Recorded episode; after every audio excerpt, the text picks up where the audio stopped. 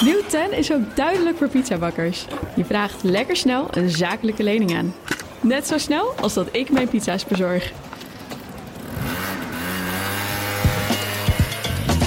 Duidelijk voor ondernemers. Nieuw 10. Je doelen dichterbij. Een initiatief van ABN AMRO. BNR Nieuwsradio. Boekenstein en de Wijk. Hugo Rijksma.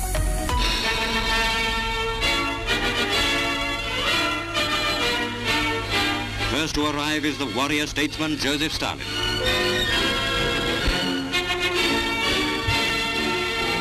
Mr. Churchill, wearing a shapka, seems to have picked up a bit of local color. Traditional headgear of the Caucasian mountaineers, it added to the PM's already extensive collection of hats. To the Big Three conference in the Crimea went not only the leaders of the three great Allied powers, but also the hopes and faith of all men who look to a future free from war. Op de conferentie van Yalta in 1945, waar de deling van Europa werd bezegeld, zat de bewoner van Downing Street zich natuurlijk weer uit te sloven met een mal hoedje op. En nog steeds is voor de Britten schijnbaar alles een goede grap. Maar die invloedssferen, dat moeten we niet meer doen. Daarmee wezen de VS en de NAVO deze week formeel de Russische eisen af in de crisis rond Oekraïne. Wat nu? Dat bespreken we bij Boekestein naar de Wijk op zoek naar de nieuwe wereldorde. Met in de studio. Een beetje oorlogsdreiging mag ook bij hen de pret nooit drukken.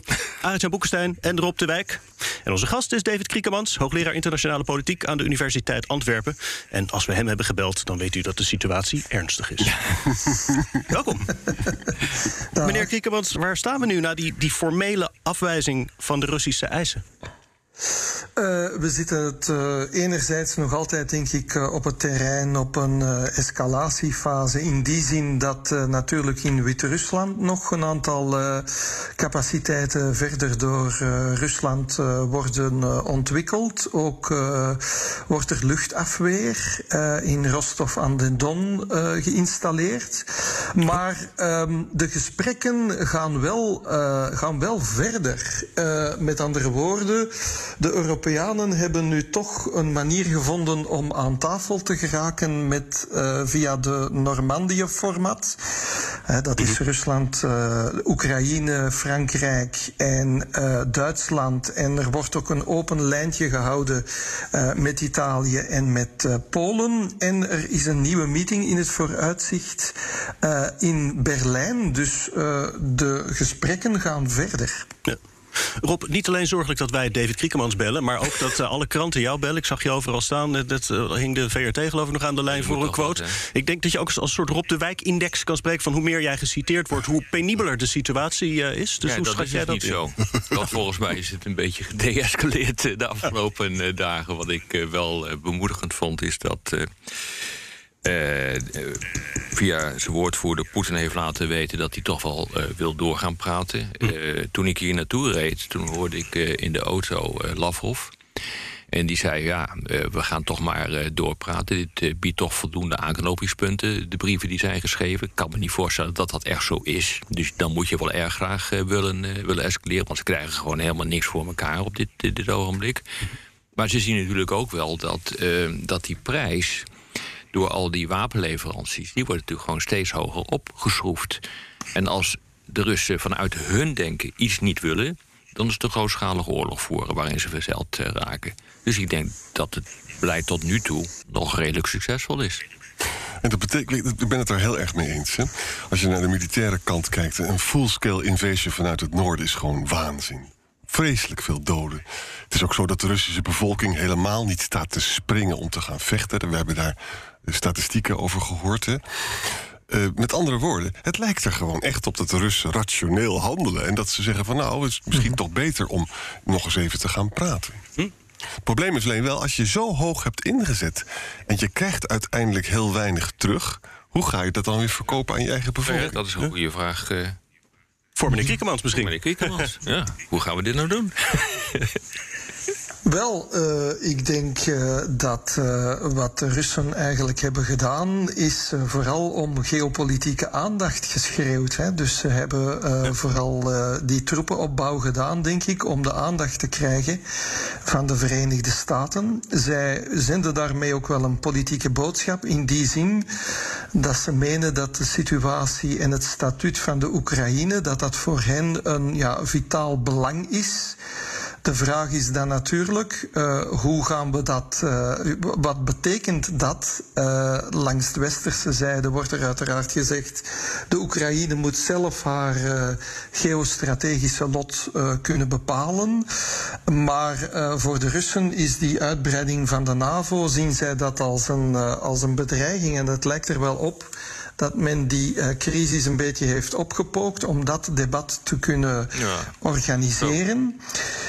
Wat er wel nog, wat wel misschien niet onbelangrijk is, is wat we in alle verwarring vergeten zijn misschien, is dat er uh, eind oktober uh, dat de Oekraïners uh, Turkse drones hebben gebruikt op de contactlijn ja, met ja. Donetsk-Lugansk. Ja, en dat er wellicht de Russen toen gecalculeerd hebben dat er, want u herinnert zich de oorlog Azerbeidzjan-Armenië, waar die drones eigenlijk een belangrijke impact hebben gehad. Hè. Ik denk dat daar de Russen hebben, hebben gecalculeerd dat als ze niets zouden doen, ja, dat die situatie wel eens dusdanig zou kunnen zijn dat de Oekraïners dit gebied eventueel terug zouden heroveren. Uh, dus dat moeten we wel meenemen in onze, ja, in onze inschatting van wat Rusland nu de afgelopen weken en maanden maar, gedaan heeft. Maar dat is erg interessant, hè? want wat gaat er nou met die twee republiekjes, uh, Luhansk en uh, Donetsk, gebeuren? Uh, dus uh, volgens mij deze week in het Duma wordt er gesproken over het erkennen van die landen als uh, zelfstandige staten. dat is al gebeurd door niet onbelangrijk Zuid-Ossetië. Oh, ja, nee, maar Zuid-Ossetië is natuurlijk een, eenzelfde geval. dat ligt bij Georgië. Het heeft zich in de jaren 90 onafhankelijk verklaard.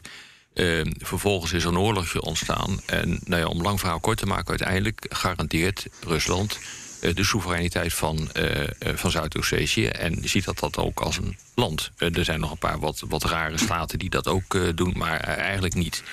Maar als je dat dus gaat doen met, met die twee volksrepubliekjes in het, in het zuiden van Oekraïne. en je ziet dat ze nu worden aangevallen en je gaat ze accepteren als landen dan kunnen die dus ook, volgens die redenering, Russen uitnodigen om dat land te helpen verdedigen. Ja. Uh, dus in die zin, die droneaanvallen, die zijn dan een, een hefboom om dat voor elkaar uh, te krijgen.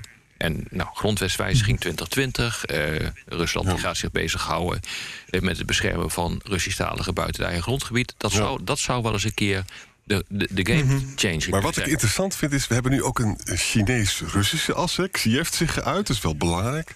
Die zegt van, ja, ik vind eigenlijk dat Rusland hele goede argumenten heeft. Ja. Het probleem is alleen, China is doodsbang voor welke inmenging dan ook in de nationale soevereiniteit. Ja. Ja. En je zou natuurlijk, die hele Donetsk Lugansk is natuurlijk een inmenging in soevereiniteit. Dus daar, moeten ze, daar kunnen ze niet zo uitgebreid over praten. Begrijp je wat ik bedoel? Ja. Dat zou een precedent zijn. Maar, maar wat vind je van, van die redenering over die twee volksrepubliekjes? Dat, dat, dat, dat, dat lijkt mij het meest aannemelijke scenario. En dan denk ik ook nog, ik ga toch gewoon voorspellingen doen, want dan kunnen mensen me toch uitlachen. Um, het grootste. Toch wel. Uh, ja, Weet, je, weet je, als dat gebeurt, dan ben ik dus bang dat het Oekraïense leger zich niet zal kunnen beheersen. Dat er, dat er fouten worden. Ik weet. Mm -hmm. wat, wat vind jij, David? Ja, uh, ik denk dat uh, deze, ik denk dat inderdaad dat op tafel ligt hè, bij de Duma. Alle fracties zouden dit steunen. Er zouden zo ongeveer een 700.000 Russische paspoorten in heel die regio zijn uitgedeeld. Dus dat is een uh, realistisch scenario. Maar de vraag is of we dat langs westerse zijde niet kunnen verhinderen. En dan wil ik de volgende redenering ontwikkelen.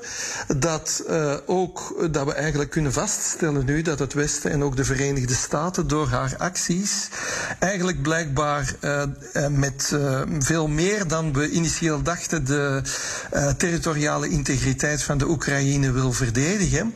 En de vraag is dan of dat we niet terug eens een keer moeten kijken naar het Budapest Memorandum van van 1994. U kan zeggen dat is politiek dood natuurlijk. Hè. In ruil voor het afgeven van hun nucleaire wapens was er toen een, ja, een zeer onduidelijke bescherming en garantie die de Verenigde Staten, Rusland, uh, maar ook uh, Frankrijk, Verenigd Koninkrijk gaven.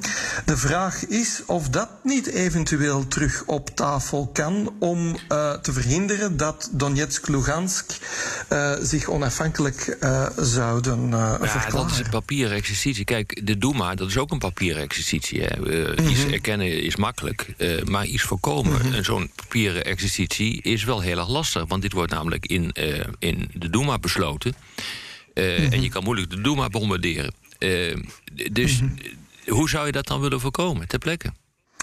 Wel, ik denk dat we nu in de verkenningsfase zitten. Uh, die uh, Normandië-format die is vooral ook nog eens een keer nog een andere exercitie aan het kijken naar de Minsk 2-akkoorden. Uh, en of er een pad is om die Minsk 2-akkoorden om die te implementeren. Hè, want dat is de facto niet gebeurd. En je zou dus, je zit nu eigenlijk in een verkenningsfase om te zien welke componenten er eventueel terug uh, tot leven gebracht kunnen worden. En ik denk dat Poetin wel uh, zijn Duma onder controle heeft. Dus met andere woorden, hij zal daar maar pas op de knop drukken uh, om dat te doen als hij denkt dat, dat die andere opties dat die niet meer levensvatbaar zijn. En, en even dat, dat van Minsk ging dat dan om het gedeeltelijke autonomie voor die rebellenstaatjes en dat je het weer terug in Oekraïne integreert? Ja, het Minsk 2-akkoord. Het Minsk 2-akkoord is van september uh, 2014 en uh, daar zaten een aantal elementen in. Het terugtrekken van de zware wapens, uh, onder andere. Drones zaten daar niet in, ten andere. Hè. Dat zeggen de Oekraïners. Hè. maar ook de OVSE, Organisatie voor Veiligheid en Samenwerking in Europa, die zou monitoren. en ook, niet onbelangrijk en politiek zeer gevoelig voor meneer Zelensky, een proces om naar een nieuwe grondwet te komen in de Oekraïne en om autonomie te geven aan deelgebieden. Want we mogen ook niet vergeten dat uh, in het oosten van de Oekraïne dat, dat, ook, dat het gebied ook een andere economische samenstelling heeft. Dat is zware industrie, staal, mijnbouw, een beetje uh, wapenindustrie. Pas daar de westerse recepten op toe en er een, en een generatie zit zonder werk.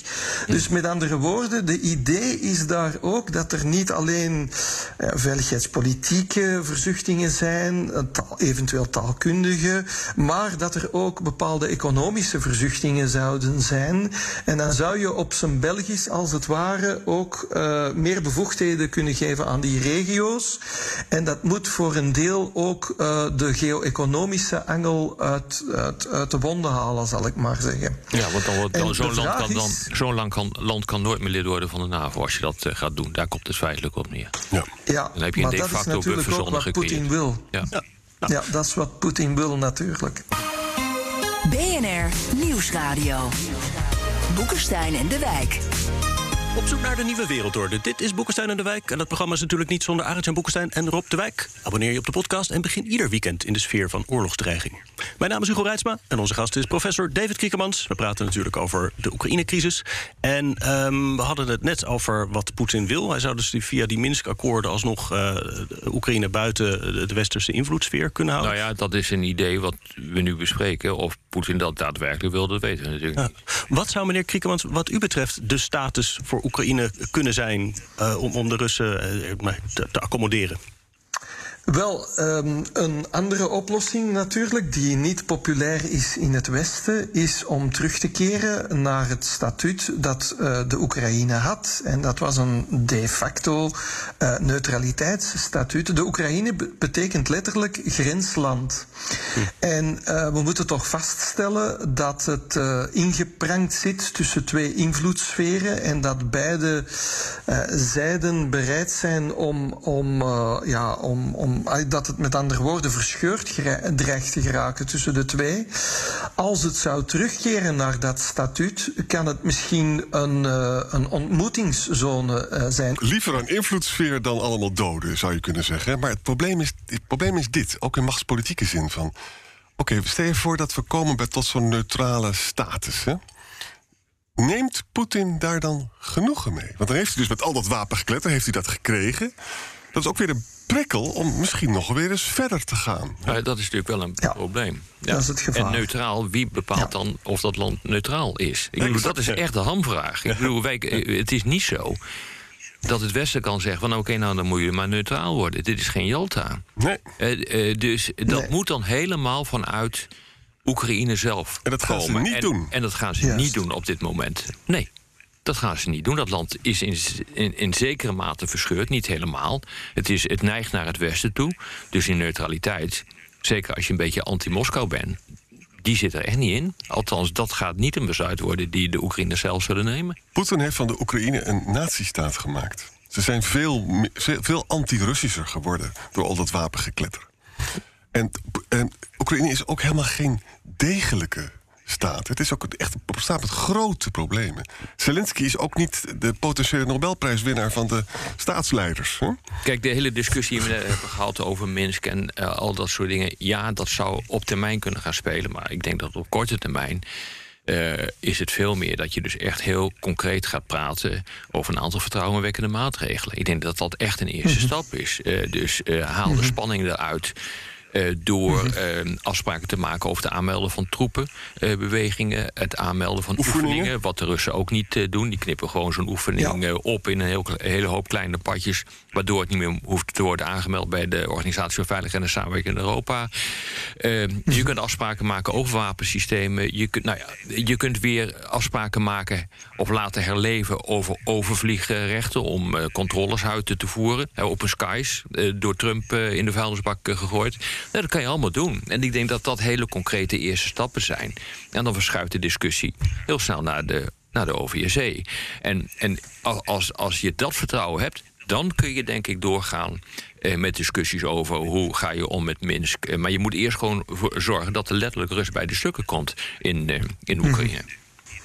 Ja, absoluut. Ik, eh, ik, ik deel die mening. Ik deel die mening. Ehm, eh, in zekere zin zou je kunnen zeggen eh, dat de westerse landen nu ook eigenlijk moeten eh, eisen, eigenlijk, hè, vragen eh, van Rusland om nu stapsgewijs eh, te deescaleren door het terughalen van troepen. Want we kunnen natuurlijk niet onderhandelen onder bedreiging, hè, want er is iemand aan tafel die een wapen mee heeft. Dat is zeer moeilijk. Dus er moeten in eerste instantie stappen genomen worden om inderdaad aanmelding van. dus met andere woorden, ik denk dan dat die wapens die ook naar de Oekraïne zijn gebracht, dat die eh, eventueel gefaseerd kunnen teruggetrokken worden als Gaat de Russen gebeuren, hetzelfde doen. Gaat niet gebeuren. Wel. Dat wel, denk ik niet. eh, ik denk dat eh, zolang als die discussies lopen. eh, dan, eh, dan zal dit hooguit de uitkomst kunnen zijn van een proces. Kijk, met betrekking tot de, de, de troepen die Rusland heeft samengetrokken in het eh, westen van het land.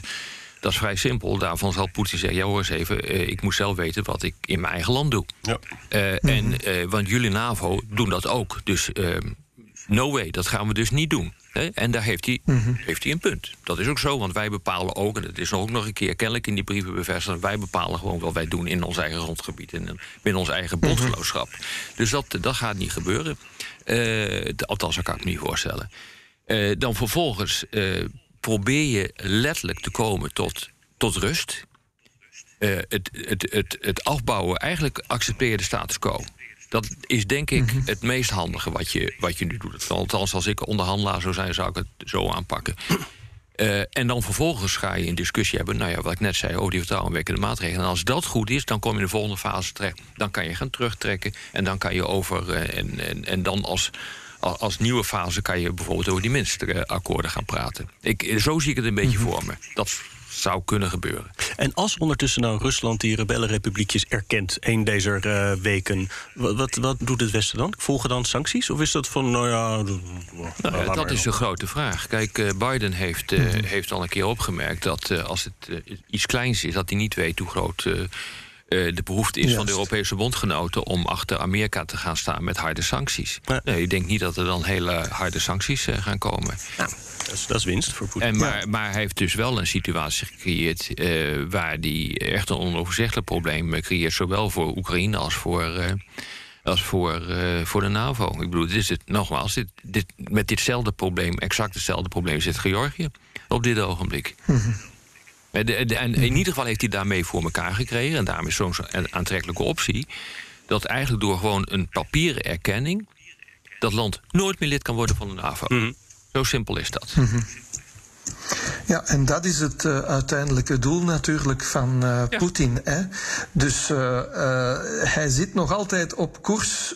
zijn, zijn onderhandelingspositie is eigenlijk redelijk sterk. Ja. Ehm, dus we moeten alleen natuurlijk opletten dat er geen ongelukken gebeuren.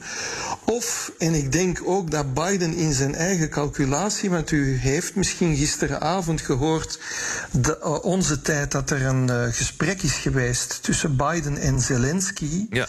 En blijkbaar onmiddellijk na het gesprek had een naaste medewerker van Zelensky gezegd dat het niet goed gelopen was. Dat heeft men dan gecorrigeerd in de, in de externe communicatie. Maar Biden wilde ook niet nog meer uh, gesofisticeerde wapens uh, naar de Oekraïne sturen. En ik denk dat dat ook eigenlijk een boodschap is naar de Oekraïne. Dat de Oekraïne zich nu ook niet emboldened mag, vinden, mag voelen. om, om zelf nu het heft in eigen handen te nemen in Donetsk-Lugansk.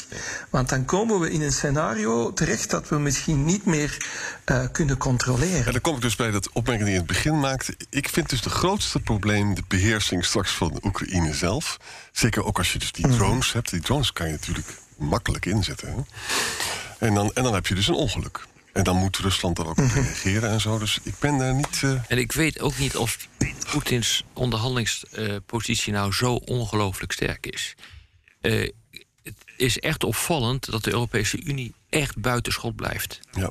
En uh, dat is de grootste handelspartner van, van Rusland, dat weten ze. De Unie wordt niet aangeschreven. En uh, in de hoop dat de Unie ook niet meegaat met Amerikaanse sancties. En, en, die kunnen in dit geval redelijk ontwrichtend werken in, uh, in Rusland. Vooral als je, hebben het eerder over gehad, over als je halfgeleiders -hmm. niet meer kunt gaan exporteren naar Rusland, heb je echt een probleem. Dus uh, ja, ja er zijn mogelijkheden en uh, dat, dat weet Poetin ook wel. dus ik moet nog kijken hoe dit natuurlijk gewoon gaat aflopen. Maar het is geen toeval hoor dat die EU buitenschot blijft. Ja, dat is absoluut zo. Uh, de vraag is natuurlijk, uh, ik denk dat er vooral onderhandeld is geweest uh, tussen de Europese landen en ook de Verenigde Staten om een bepaald pakket te identifiëren. maar ja, we zullen moeten zien wat de exacte situatie is om dan vast te stellen welke specifieke sancties het uiteindelijk zullen worden natuurlijk. En we zullen daarmee ook in eigen vlees gaan snijden, want we moeten ons niet de illusie hebben dat er dan ook geen tegenreactie zal zijn. En natuurlijk de lachende derde in dit verhaal potentieel is, denk ik, eh, de Chinese Volksrepubliek. Omdat we toch hebben gezien dat uh, een aantal van onze sancties uit 2014 ervoor gezorgd hebben dat uh, een aantal handelsrelaties zich herzet hebben. En dat ook alle extra capaciteit die de Russen nog hadden met betrekking tot gas, uh, dat die richting Azië afgewend wordt. Dus met andere woorden, dat Rusland en China verder gaan samenwerken en er uiteindelijk minder hefbomen zijn er zijn nog altijd heel wat hefbomen, zoals eh, Rob eh, terecht aanhaalt bij die halfgeleiders. Uh, maar dat, we, ja, dat Rusland verder afdrijft, zal ik maar zeggen. Van Rusland en Europa via de VS naar China. Dan zijn we volgens mij de hele wereld weer rond. En kunnen we afronden, althans op de radio. In de podcast gaan we langer door met luisteraarsvragen. Luistert u op de radio, dan verwijs ik naar boekenstein of uw favoriete podcast-app. Hans Meske vraagt: Is er iemand die al snapt waarom de Russen dit doen en hoor, waarom de Russen dit doen en waarom ze dit nu doen? Ha, stukje psychologie van de koude grond van Hans zelf. Er gaan al lang geruchten over de gezondheid van Poetin. Zou hij het herenigen van de broedervolken als zijn erfenis zien, waardoor de-escalatie dan moeilijk wordt? Nou, wel een, een, een, een terugkeer naar, laten we zeggen, 30 jaar geleden gedeeltelijk. Hè? Ik bedoel, hij krijgt het nooit meer voor elkaar om de Sovjet-Unie te herstellen. Althans, niet een Rusland binnen de grenzen van de Sovjet-Unie. Kijkt niet voor elkaar. Maar wel dat zijn land uh, serieus wordt uh, genomen. En uh, dat er inderdaad weer een terugkeer komt naar invloedssferen... waardoor, waarachter hij zich veilig kan wanen. Nee, het, het, het, grote punt is, vind ik... Ja, het is natuurlijk gewoon een typisch moderne staat. Niet een postmoderne staat zoals wij hier in West-Europa hebben... waarin we alleen nog maar denken in, in termen van democratie en mensenrechten. Dit is gewoon pure keiharde veiligheid. En veiligheid is militaire veiligheid. En dus heb je veiligheid nodig door middel eh, van, uh, van bufferzones. Ik bedoel, dat is, dat is wel te begrijpen. En daarvoor zit natuurlijk die enorme animositeit... die zich heeft afge, uh, opgebouwd sinds de ondergang van, ja. van de Sovjet-Unie. Dus het is allemaal wel verklaarbaar wat hier gebeurt. Je, Putin Niet wil, goed, maar wel verklaarbaar. Poetin wil Europa verdelen, heerlijk. Hij wil Europa en Amerika onderling verdelen. En hij wil toen naar een nieuwe veiligheidsarchitectuur... waarbij dus Oekraïne geen lid wordt van de NAVO. Dat is wat hij wil. Het gaat hem helemaal niet zozeer eigenlijk om de Oekraïne, maar het gaat erom dat die vreselijke beledigingen van die NAVO-expansie en van de, het feit dat Amerika en de NAVO altijd maar alles voor het zeggen hebben, dat dat voorbij is. En dat hij ook als great power als enige mag praten met Biden. Hè, zonder dat Europa erbij is. Dat betekent dat Poetin is dus veel belangrijker dan Macron hè, en Boris Johnson en meneer Scholz. Dat is de psychologie. Ja, tegelijkertijd is het ook een beetje een, een stresstest, denk ik, uh, voor Europa. Ja. En de Russen hebben heel wat interessante informatie nu hè, over uh, hoe positioneert zo'n nieuwe Duitse regering zich. Ja. Wat zeggen de andere landen? Uh, wat zou er in welk scenario gebeuren? Dat is allemaal heel interessante informatie, denk ja, ik, op dit voor moment, het Kremlin. Op dit moment. Mm -hmm. Maar ik ben ervan overtuigd, als het erop aankomt, dan gaan de Duitsers mee, hoor. Ja. Uh, ja, dus, ja, natuurlijk. Ja, nee, Ja. maar ik, ik, ik denk dus dat, dat ze wat dat betreft in Rusland niet echt een 100% zuiver beeld hebben van hoe dat hier werkt. Mhm. Uh, ze verkijken zich echt op democratieën. Ze denken dat wij een decadent zootje zijn. En dat gedeeltelijk is dat ook wel zo. Maar tegelijkertijd, als we worden uitgedaagd als democratieën... en er worden besluiten genomen, dan gaan we er ook achter staan. Rob, ik ben het met je eens, maar het is wel uh, heel spannend. Want uh, bijvoorbeeld uh, Poetin praat dan dus met het Italiaanse top van het bedrijfsleven. Draghi heeft gezegd, doe dat nou niet, jongens. Maar ze hebben het wel gedaan. Hij bood dus toen gas aan tegen een, lage prijs, ook tijdens een oorlog. Hè. Habeck, je weet, de Groenen zijn tegen Nord Stream 2... maar die heeft nu zelf ook gezegd, ja, SWIFT is toch niet zo'n goed idee. Dus met andere woorden, het is het, voor Poetin wel genieten van die enorme verdeeldheid binnen Europa. Maar ik denk wel dat erop gelijk, if, if push comes to show. Ja, maar het is altijd zo geweest. Ja, dan, uh, Uiteindelijk zijn we altijd bij elkaar gekomen. En daar zijn nogal wat landen, en ook Bin Laden... Ja. is al op stuk gelopen. Die dachten ook wel, de hele westerse wereld die gaat niet reageren... en we kunnen doen en laten wat we willen. Is niet zo. Ja. We blijven nog even bij Poetins persoon met de vraag van Gerard Hollandese. En die zegt in kanttekeningen bij Hitler... noemt Hafner het eindspel van de Tweede Wereldoorlog... het opengooien van de oostflank... ingegeven door het onvermogen van Hitler... over zijn eigen bestaan heen te kijken. Zou de actie van Poetin ook een dergelijk onvermogen... Uh, en daarmee geen staatsman te zijn? Ja, maar het grote verschil... Kijk, Hitler was een racist. En dat racisme leidde ertoe dat hij dus Joden moest vermoorden. Dat is vreselijk. En het moest ook vooral naar het oosten gaan. Dat was machtspolitiek een heel grote fout van Hitler. Want dat werd de ondergang van dat, van dat nazi-rijk. Had natuurlijk nooit Rusland moeten aanvallen. Hier, uh, Poetin heeft van dit soort dingen niet, geen last. Hij denkt 19e eeuw, hij denkt langs machtspolitieke lijnen. Mm, maar wel rationeel. En hij probeert zo te schaken dat de Oekraïne een, uh, gewoon geen NAVO-lid meer kan worden. Hitler was echt Mhm. krankzinnig. Echt waar? We hebben het te weinig over Hitler in dit programma, Ja. vind ik eigenlijk. Ja, maar dat is natuurlijk ook zo wat Aartje al zegt. Roel Elsinga vraagt... waarom doet een westerse coalitie niet een air policing missie... een paar jaar boven Oekraïne? Dan zal Poetin het luchtruim toch niet invliegen... en een grondinvasie weird worden. Nee, dan heb je troepen. Of ze nou in de lucht uh, zijn of op de grond, dat maakt dan helemaal niet uit. Op het grondgebied of boven het grondgebied van, uh, uh, van Oekraïne. Als je zegt van, en dat zou ik ook niemand aanraden... om grondtroepen, gevechtseenheden in Oekraïne te hebben, dan moet je ze er ook niet boven hebben. Ik bedoel, dan word je echt onderdeel van een conflict en dan eh, dat kan escaleren tot een direct treffen tussen Rusland en de NAVO. Dat moet gewoon niet. Daarvoor is Oekraïne, laten we het ook even gewoon zo zeggen, niet belangrijk genoeg. Kiev is geen derde wereldoorlog waard. Nee. Reinier Bosman vraagt wie wordt de grootste verliezer van deze crisis? Oekraïne, Rusland of Duitsland of iemand anders? En de grootste winnaar, de VS, Rusland of misschien wel het VK? Oeh, dat is, dat is een niet te beantwoorden vraag. Laten we Ja, maar gewoon eens een gok doen. David, wat vind jij?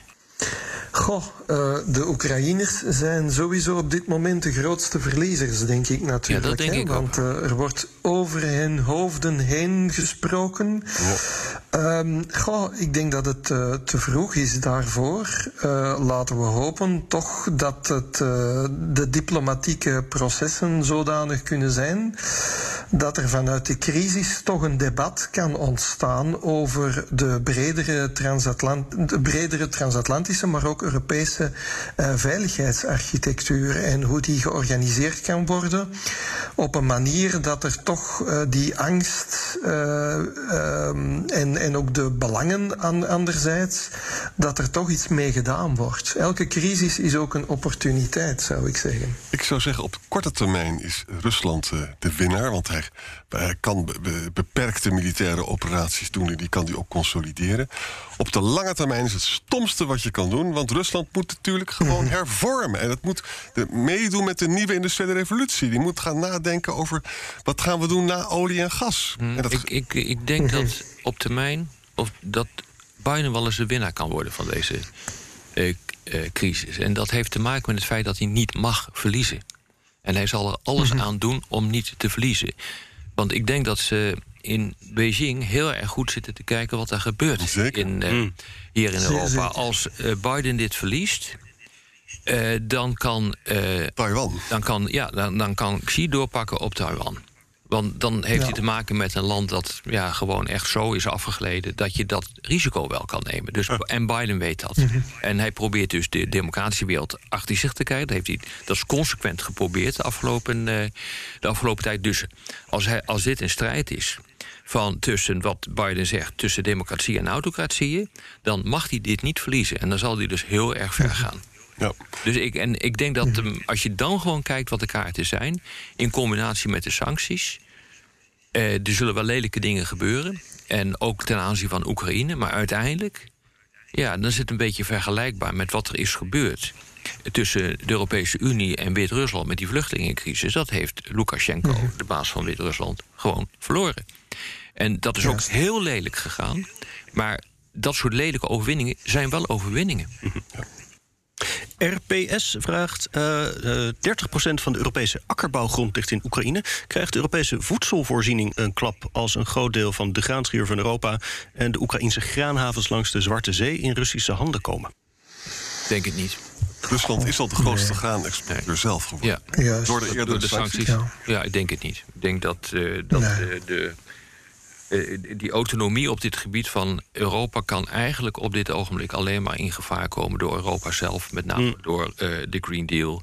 eh, het het afbouwen van agrarische bedrijven in, eh, in Europa, omdat eh, die te vervuilend zouden zijn. Het, dat, is wel, dat is wel een vrees. Maar dit denk ik niet. Ik zag wel ergens eh, dat door de spanningen rond Oekraïne de graanprijzen flink omhoog zijn gegaan. Ja, maar de beurzen zijn ook gedaald. En dan vraag je je dus ook af eh, waar dat goed voor is. Ja. Oké. Eh, Paulina Baars vraagt: hoe is het gelukt voor Amerika en VK om weg te lopen van hun verantwoordelijkheid voor Oekraïne volgens het Boedapest-memorandum van 94? De verantwoordelijkheid om garant te staan voor Oekraïnse integriteit en veiligheid in ruil voor het inleveren van Nee, kernwapens. dat klopt niet. We stonden niet garant voor de integriteit en de territoriale integriteit van, eh, van Oekraïne. Dat is gewoon niet zo. Het is geen verdrag. Artikel 5 is van de NAVO, niet van het Boedapest. Het is een, het is een memorandum Ja. waarin eh, iedereen zei van... eh, oké, nou laten we dan maar de soevereiniteit erkennen. En dat was ongeveer. hè. Ik bedoel, echt even oké. zeer gechargeerd. Ja, dat klopt, want de Verenigde Staten heeft dat achteraf ook nog eens eh, in een verklaring uitgevaardigd om te zeggen dat dat geen, eh geen automatisme was. Ja, voilà. Julia uh, vraagt hoe waarschijnlijk is het dat Poetin, al dan niet met wat gecamoufleerde militaire hulp, een coup pleegt in Oekraïne om in Kiev een Russisch gezinde Oekraïense president te installeren, die vervolgens de Russen kan uitnodigen om permanente militaire aanwezigheid te verwezenlijken? Ik acht het niet uitgesloten dat dat hele Britse verhaal, hè, dat kwam via de Britten, dat het allemaal onzin is. Het is, Ja. gewoon, het is gewoon, het kan Zou dece- mij ook- zou Net zoals ook. de Russen aan deceptie doen, doen wij dat zelf Ja. ook. Hè? Ja. Maar er kan ook een kern van waarheid in zitten. Maar Het zou wel makkelijk zijn. Ja. Maar ik, kijk, als je dat gaat doen, weet je, dan heb je ook wel echt een probleem. Ja, Want dan kom je compleet op ramkoers met, eh, met Amerika en de NAVO te liggen. ja, absoluut. Dus ik weet niet of dat nou zo'n logische strategie is.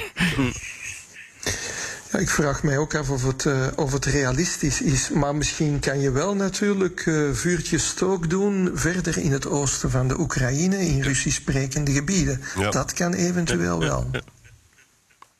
Tot slot de vraag van Ron Boy. De Russische troepen komen massaal Wit-Rusland binnen. Is dit niet gelijk een machtsovername slash annexatie van Wit-Rusland... en heeft de Wit-Russische president helemaal niets meer te zeggen in zijn eigen land? Dit valt minder op door de crisis in Oekraïne. Maar dat is natuurlijk waar. Hè? De hele, het hele Wit-Russische spel is helemaal in het voordeel van Poetin eh, geëindigd. Hè? Poetin is dus, heeft veel macht. Lukashenko hangt nu echt. Poetin moet het heerlijk gevonden hebben. Wat de fouten die Lukashenko maakte. Want hij kan nu doen en laten wat hij wil. Doet hij dus nu ook. Ik geloof er geen bal van dat er troepen vanuit het noorden naar Kiev. Ik geloof het gewoon niet. Omdat het zoveel. De kosten zijn zo hoog. En Poetin is niet gek. Het is, past ook niet in het Russische denken. Hè? Om een soort offensieven te doen en verzeild te raken in een uitzichtloze strijd. Dat past gewoon niet Juist. in het denken. Tenzij Poetin cow kiezers, eh, disease krijgt.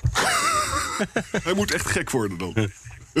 maar Nee, maar het is gewoon een machtspolitiek om te intimideren natuurlijk. Ja. Maar het is wel juist, inderdaad, Poetin is de grote winnaar van de Wit-Russische eh, crisis, zullen we dan maar zeggen. En wat nu terug op tafel ligt, is het Unieverdrag natuurlijk. Hè? Om uiteindelijk richting een geleidelijke integratie te gaan eh, van Wit-Rusland en Rusland. Dus dat zouden we ook nog wel eens kunnen zien in de, ergens in de komende jaren. Zeker. Dat hij niet Oekraïne, maar wel Wit-Rusland. En Lukashenko was altijd op de rem. Ja, nu kan hij niks meer. Ja. Nou, mooie conclusie. Dit was weer Boekenstein en de Wijk. Namens Aris en Boekenstein en Rob de Wijk zeg ik dank voor het luisteren. Speciale dank aan David Kriekemans. En tot volgende week. Graag gedaan. Nieuw 10 is ook duidelijk voor pizzabakkers. Je vraagt lekker snel een zakelijke lening aan. Net zo snel als dat ik mijn pizza's bezorg. Duidelijk voor ondernemers. Nieuw 10, je doelen dichterbij. Een initiatief van ABN AMRO.